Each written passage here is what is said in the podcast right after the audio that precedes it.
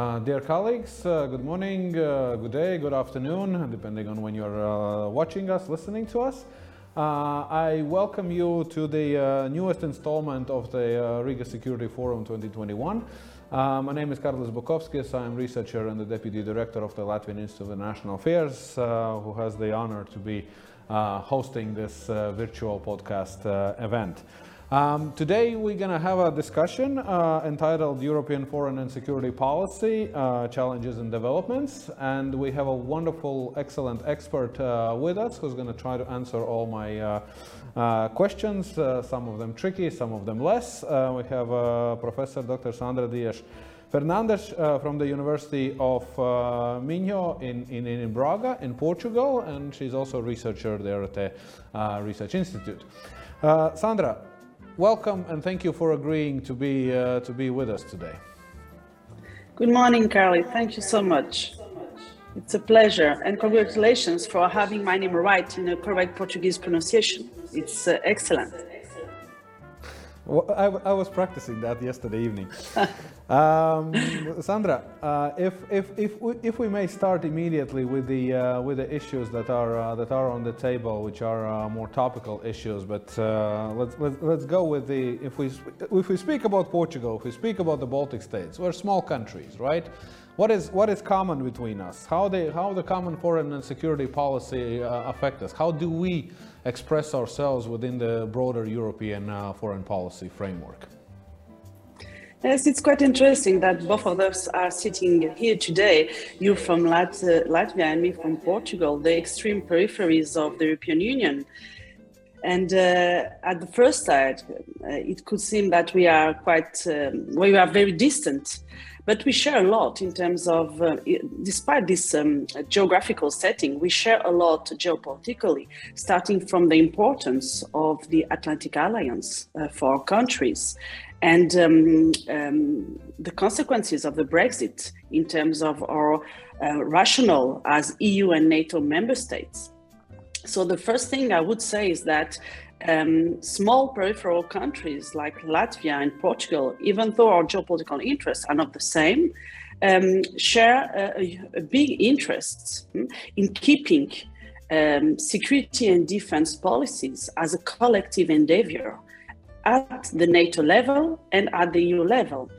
And in a moment when the transatlantic relationship is not stable, is not guaranteed, Let's see what happened with Australia recently.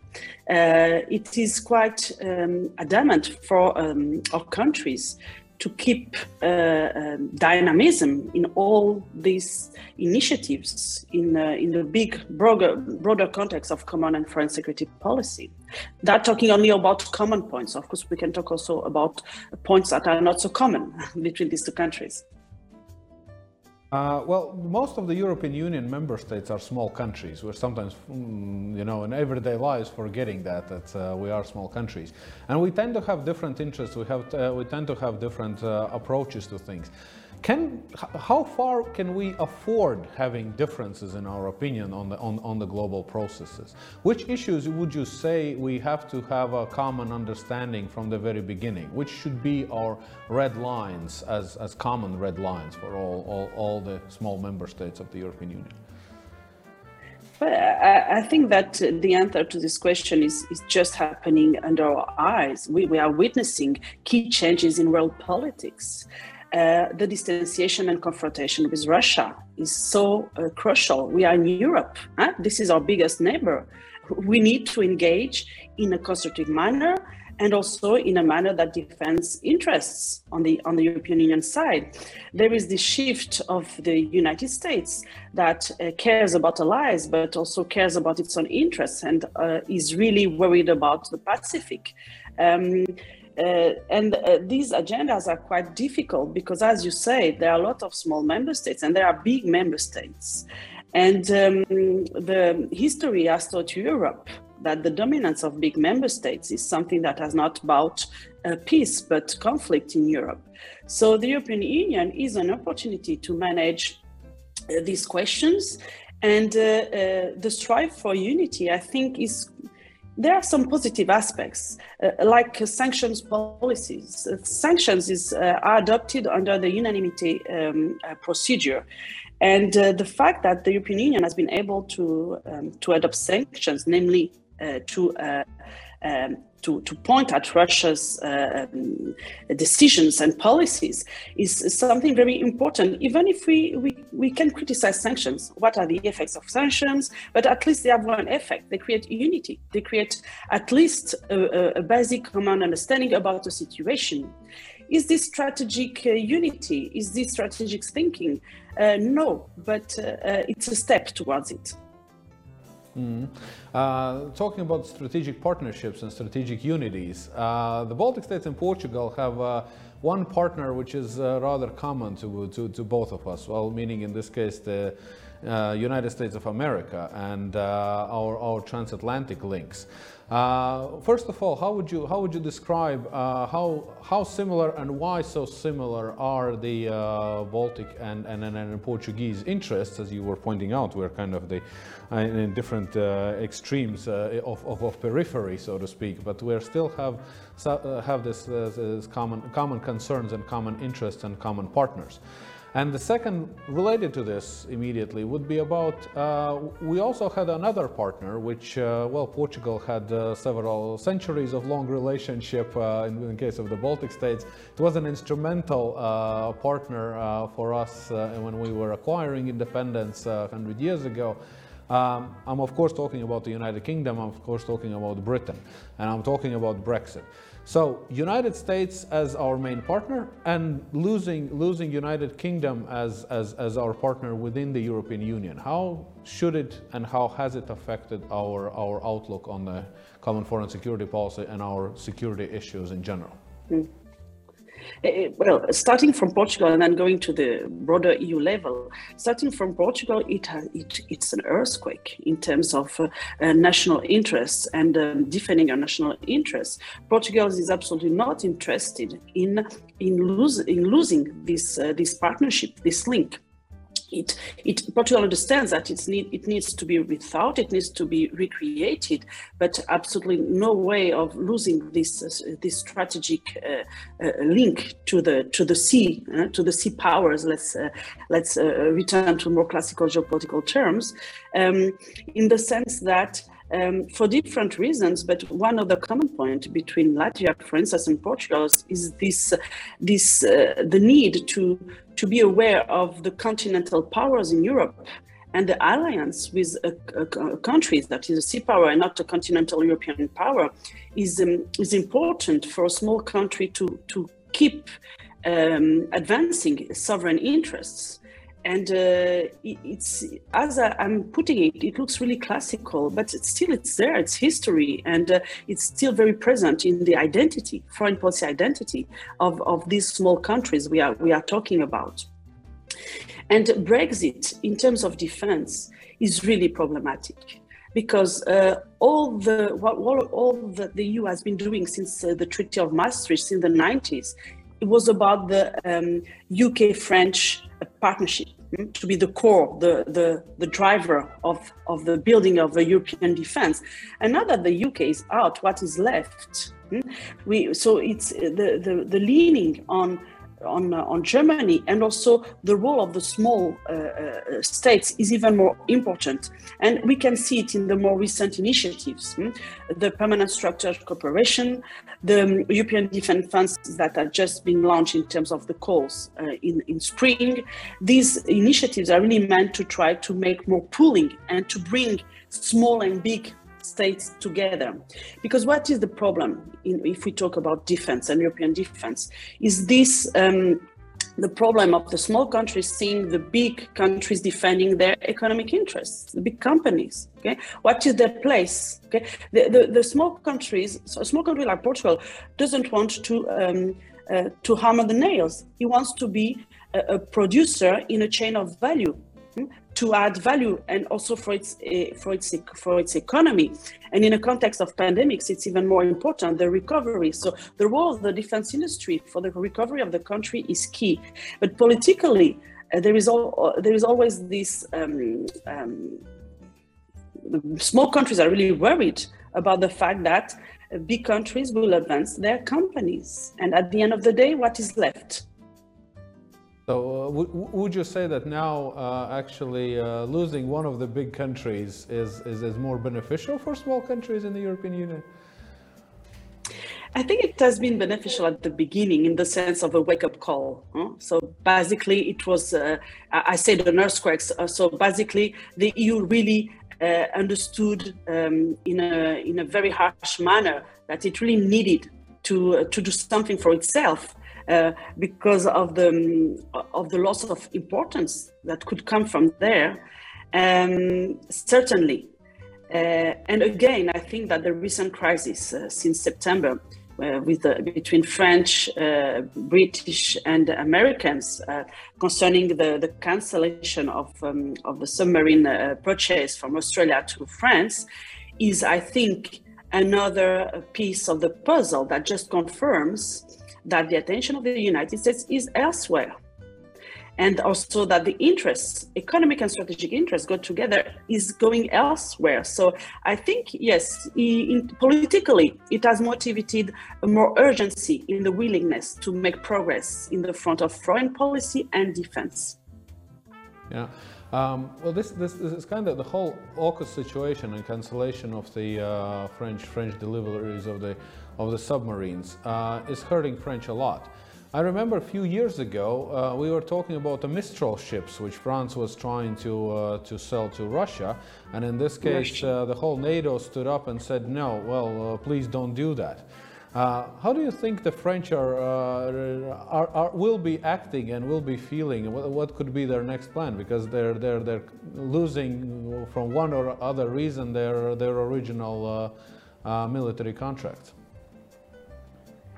Yes, it's interesting that it's happening with France precisely because, as you we all know, France historically has been in two positions. It has been the first proponent for a de- European defense since the 50s, and at the same time, it has been a fierce. Um, um, France has a lot of doubts about the, the reliability of the United States and the UK. Uh, and when the UK wanted to be a member state, France, the, the, the main um, condition that France had was really to understand how much the UK would be committed to Europe instead of to the interests of the United States. So it's interesting that it's it's happening with France, and I guess that France, of course. France is also going through um, a harsh economic crisis in, in the context of the pandemics, but I think that it will it can probably trigger even more willingness uh, to uh, to lead advancements in uh, in foreign and defense policy for the European Union again, uh, um, it's a crisis. It's a diplomatic crisis. It's a deep one um, that is happening because of the AUKUS situation. Um, talking about diplomatic crises and crises in general, one of the one of the reasons why we keep uh, having uh, one one crisis uh, after another, at least in the almost the last ten years, is of course uh, our eastern neighbor, and when I say our, I mean both the Baltic and the Portuguese eastern neighbor, the, the largest one that we uh, have next to our borders. Of course, I'm talking about the Russian Federation. Uh, how would you describe uh, the Baltic? Well, the Baltic position on Russian Federation, of course, is, is, is, is rather well known, right? It usually comes from the position of, uh, of vulnerabilities and small states defending their, uh, their sovereignty and interests. Uh, how would you describe the Portuguese attitude towards Russia? Because you don't, you don't have Russia as an immediate threat, uh, at least not in your perception, as far as I am concerned. You, you, you're totally right, uh, Carlos. Uh, uh, in fact, uh, Russia is not in our geography, and uh, it, it's not in our direct geopolitical interest either. And it's interesting because Portugal just finished the, the presidency um, of the Council uh, of the European Union. And uh, so we had the first semester of this year. And I had the privilege to be involved in, uh, in part of the program concerning Russia. Uh, and uh, uh, I could accompany um, the framing of, of the program. It was at the end of the presidency. It's, a, it's an event that was organized in Moscow with the presidencies. And for the first time in years, for the first time, Prime Minister, um, uh, Foreign Minister, um, the Minister of Foreign Affairs Lavrov accepted the invitation to come. So Lavrov was there. uh, under Portuguese auspices. And it's quite telling about our relationship with Russia. We have good relationships with Russia. Portugal uh, is adamant to be a diplomatic bridge to uh, uh, to the to the global uh, world, inclusive to difficult partners, hmm?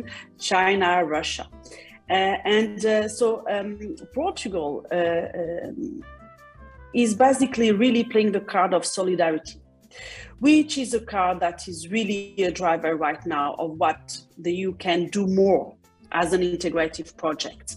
So solidarity means what? Means that Portugal has no issues with Russia. Portugal would be even interested in having more um, trade relationships with Russia.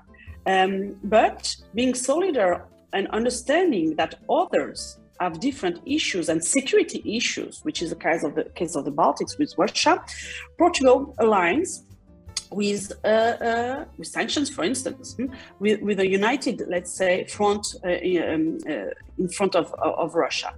Uh, so that that is the position of Portugal. But that being said, Portugal also expects that countries like Latvia would also support Portugal in um, strengthening EU interest in Africa. Okay, so so this is not for free. This solidarity um, um, coin is meant also to to bring at the EU table to put the light on other geographies and interests where Portugal would like to to see more policies, more approximation, and and let's mention as well the case of migration. Uh, Portugal has not been in the root of the crisis, hmm? the root of the, the, the human flows and the dramatic situations of of human beings trying to cross the borders to the EU, but it can happen in the near future. Okay, even if we, we consider that what is happening in Belarus is an instrumentalization, instrumentalization uh, we could see situations like this also at the direct border of Portugal, which has not been the case, as we know. The routes are more uh, Spain, Italy, Greece. Mm? Um, but it could happen as well. And in that case, Portugal would really uh, like to see more EU engagement in Africa. Mm-hmm. Mm-hmm. So in this case, uh, we all have to keep in mind that uh, solidarity must never be only one one-way process, right? So we cannot expect. Um, now, turning to the uh, to the second question, which I wanted to discuss uh, out of the three, which I wanted to discuss with you, uh, is. Uh, is, is of course dealing with Russia. We have been already mentioning it a couple of times, but Russia has, has, for the European Union and uh, for uh, most of its member states and for the Western uh, countries in general, Russia in the last 10 years has, has basically went from uh, friend to foe. And of course, with the, uh, with the, with, with the uh, insurgents in, in, in, in Ukraine, in eastern Ukraine, and occupation of Crimea, that is of course the moment, what, is, what was the mo watershed moment in the relations. But how would you describe, if, if, if, if how, would you, how would you explain uh, the whole interaction between the West and Russia 10 years ago and uh, how it has evolved over these 10 years and what, it, what, what is the state of play now in your mind? I would say that from the Western point of view, uh, there was a lot of wishful thinking from, from for, for years, um, in the sense that this all liberal idea that uh, institutional engagement with Russia and the creation of cooperative institutions would anyway end up into democratization of Russia and approximation and, and creation or, and policies around common interests. And uh, all we prove it proved to be wrong to think like this because the result is not there. And the, the question, uh, if I would, um, if you would allow me uh, to rephrase the question, is what went wrong? If we had this structure of cooperation, even at the NATO level, the Russian NATO Council Okay, what went wrong? I think that what went wrong is that I think the West did not read Russia right, uh, did not understand exactly um, what was happening in terms of transformation in Russia and what was the course of transformation in Russia that clearly President Putin um, addressed and, and curved towards uh, another direction. And I think this wishful thinking and not reading Russia right was quite harmful for, for, for, for the policies. I think we could have managed um, the relationship with Russia differently. I would say respecting um, a bit more Russian interest, but at the same time understanding that we were not, uh, um, it was not about a, a cooperation towards um, convergence it has it was not the case because it was not the intention uh, uh at the beginning. So, um, and I, I, remember some some key uh, discourses of leaders at the NATO level, for instance, that for me was already were already interpelling. Back to the 2000s, um, the first decade, and even the 2010s early years, um, that basically uh, Russia should adapt or stay there. And uh, a kind of, it, it, it, was, I think it was really wishful thinking. I'm sorry to say that, but, uh, uh, and I think that we need to rethink what is what are the effects of institutions internationally and if they really produce convergence we need to think differently i think creative politics are really needed today mm. um, as, as, as, far as i understood then uh, what you're, what you're saying is that uh, Russia, uh, well, West had expectations uh, towards Russia. There were uh, ideas how the relationship should be taking place, but it's the, it's, it's, it's the West side. Can we play a little bit of a devil's advocate in this case and look at the mm-hmm. Russia side? Because from the Russian perspective, how do you how do you see why Russia has been acting the way it has been acting in in its uh, foreign policy and its security for, uh, policy for the last um, well seven seven to ten years? Well, Carlos, as you mentioned, um, is, is, is, is Russia, yeah. would, would, you, would you say that Russia, Russia also feels disappointed in the relationship with the West, that it didn't work out, or uh, there is a, another, uh, another outlook uh, on, the, on the problem? I think that Russia feels that it has not been understood for all these years. And, um, and, and as you mentioned, I'm a research, researcher, so I will give maybe a boring answer to the audience, but please allow me to underline that when you study international politics, it's really difficult to understand international politics without emotions, without um, identity. Uh, because international politics are made by persons, by human beings. Hmm? Of course, they represent institutions, but uh, uh, history, identity are there. And for, uh, as you know, that uh, for Russia, history, historical memory, and respect for it are key uh, for a national pride and um, and and also development. So prestige, recognition, respect from the outside are, are keys that Russia has not been. Um, considers that are not been happening. So Russia now strives for the respect that Russia thinks deserves and the West has not been giving to Russia. And all this is now in a narrative that is really clear in the new Russian security strategy that has been released in July, on the 2nd of July of this year.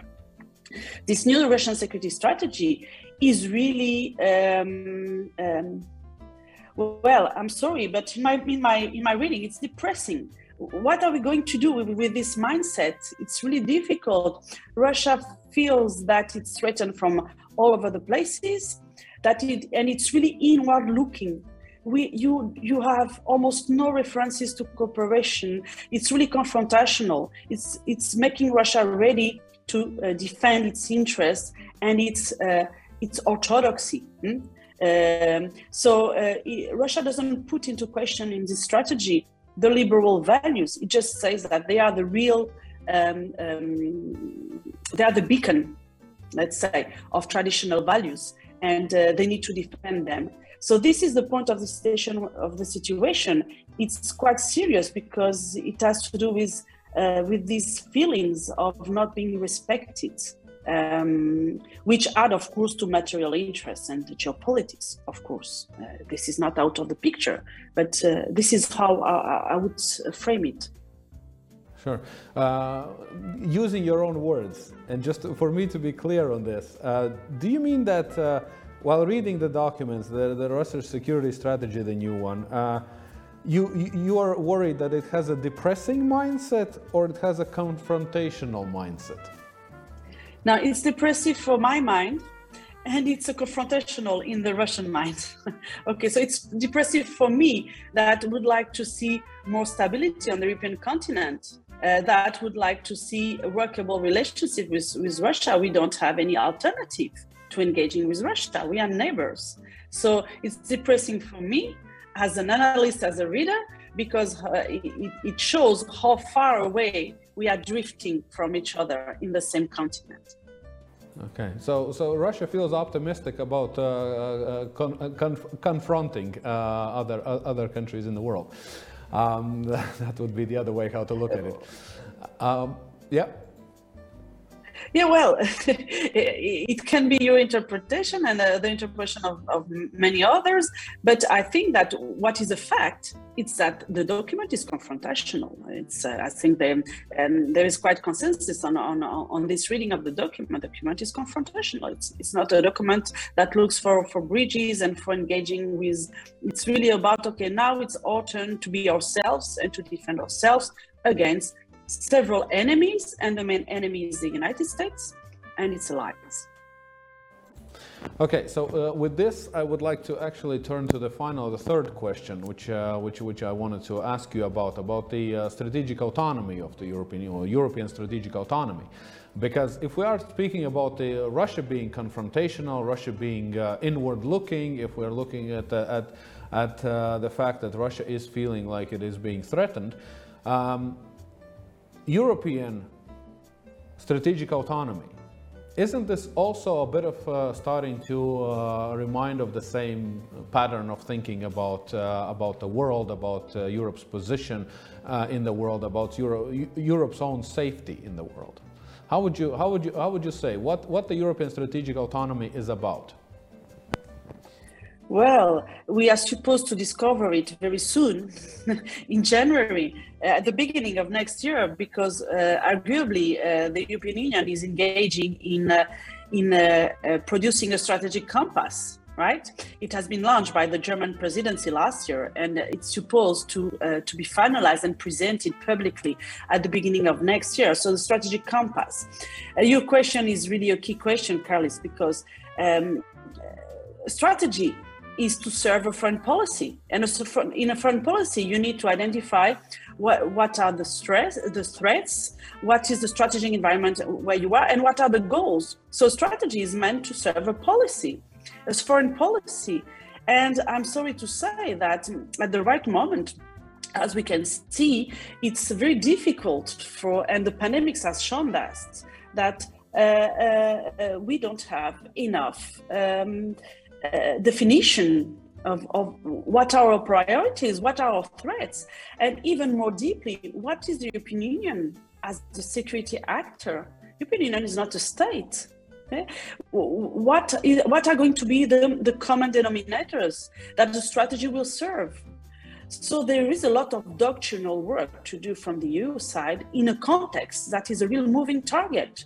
It's really challenging because our traditional allies, the UK and the US, are also repositioning themselves outside of Europe. So it's, um, uh, I would say honestly, that it's probably the most challenging time for the European Union in terms of external action. It's really happening now. So um, I think we are all very uh, expectant about what will be the strategic compass. But anyway, uh, uh, the uh, the issues are really big. It's not only Russia; it's Russia, it's China, it's migration, it's climate, it's um, it's even the um, uh, the future of the European Union as a project. Uh, what are we as what we are as a society as values? How we we defend our model um, in front of all the pressures from inside and from outside that are, that are happening. So the, the, the strategy compass of I think it will come with the with some definitions, but I hope it will be really clear in terms of a compromise of all the EU member states of what the EU wants to be um, and how the, the EU will defend its model and its values um, also at the global level. So it's a really complex exercise. And if we miss the first premises, which are related with having, a, firstly, a foreign policy and foreign policy goals for all the member states, it's difficult to have a clear strategy. Strategy for what? So in, in, in, this case, what I'm, what I'm, um, uh, listening and hearing is that uh, to some extent what is driving Russia, it's again inward lookingness and, and, and, uh, and, attempts to protect itself against the external influences is just that they see the West as a, Uh, and they have been shifting in this way in the last 10 years. Uh, it also sounds like European Union to a large extent because of the US, especially the previous administration, because of Russia's policies, because of rising China's power, because of all the other problems that you were mentioning. US, uh, Euro European Union is also starting to look more inward. U uh, European Union is also starting to, uh, to be more uh, cautious and starting to realize its vulnerabilities. So would you agree if I say that in the last 10 years, European Union, its common foreign and security policy, has moved from being very open to the world to now starting to uh, realize more of its vulnerabilities and looking inward and starting to protect itself, to actually starting build, building the, the thing which was once called the Fortress Europe? Well, um, uh, as an Euro optimist myself, um, I would prefer to disagree with you on that, uh, in the sense that uh, I would say that the hurdles, the crisis, the economic crisis, financial crisis, the pandemics, has has put real um, uh, strains on the resources available for the ambitions, right? I would say that it's more a problem of resources, plus, of course, some specific member states. If we think about Hungary, for instance, and, and Poland also, like uh, um, um, presenting scenarios that really um, cut themselves from the basic compromises of being a new member state in terms of values, political values. But I would say it's more about the fact that the EU is lacking resources for ambitions. I would not say that the ambitions are not there. I would not say that the EU is closing um, into itself. Let's take the example of the of the climate um, summit that has just happened and closed. The EU is a global leader on climate and uh, this agenda is really uh, has really been impacted by the role of the EU as a whole and also, if you look at the um, um, World Trade Organization and the fact that the EU is there as a member uh, in full capacity has also been very important to, to keep away uh, too much protectionism. And, and in fact, during the Trump administration, it has been the case. So, so no, I would be more optimistic. I would say that I would, let's say, I would blame the lack of resources and the and the strengths. Uh, so, so the national appeal so the national the, the, appeal of the member states to, to to go back to national perspectives and positions of course is there mm? uh, but I think that when there are problems, all member states understand that it's better to act together at the EU level instead of acting at the national level. I think the crises have shown that uh, at least historically, crises have been cement to the EU and not disunity in the EU. So I, I, would guess that when there are problems and crises, EU member states understand that uh, the national uh, way is not the good way. It's better to act uh, um, at the EU level. Uh, with this, with this positive, uh, positive remark and positive outlook, evidently you have more positive outlook towards the European Union's uh, position and, and, and, and future of the common foreign security policy than, uh, than maybe I have at this point. But uh, I, I, I, believe we will all pick up at one point when we're going to start uh, seeing the, uh, the results of the uh, strategic compass of the, uh, we're going to start seeing the results of the EU decision making and the, our lives are going to become more predictable and more, uh, more, more, more uh, with, with, with a very positive outlook. So I wanted to thank you, Professor Sandra Dias Fernandes, for, the, for the wonderful interview, for this discussion. was, it was truly an honor and pleasure of mine to, uh, to, to, to, be hosting you at this uh, Riga Security Forum uh, episode. Um, I wish you all the best. I wish all the best to the European Union, of course, and its common foreign security policy, and uh, uh, looking forward to uh, working with you again. Thank you very much. Thank you very much, and I hope to see you soon. And congratulations for the forum. It has been quite dynamic and very interesting. Thank you. Thank you. Thank you, Sandra.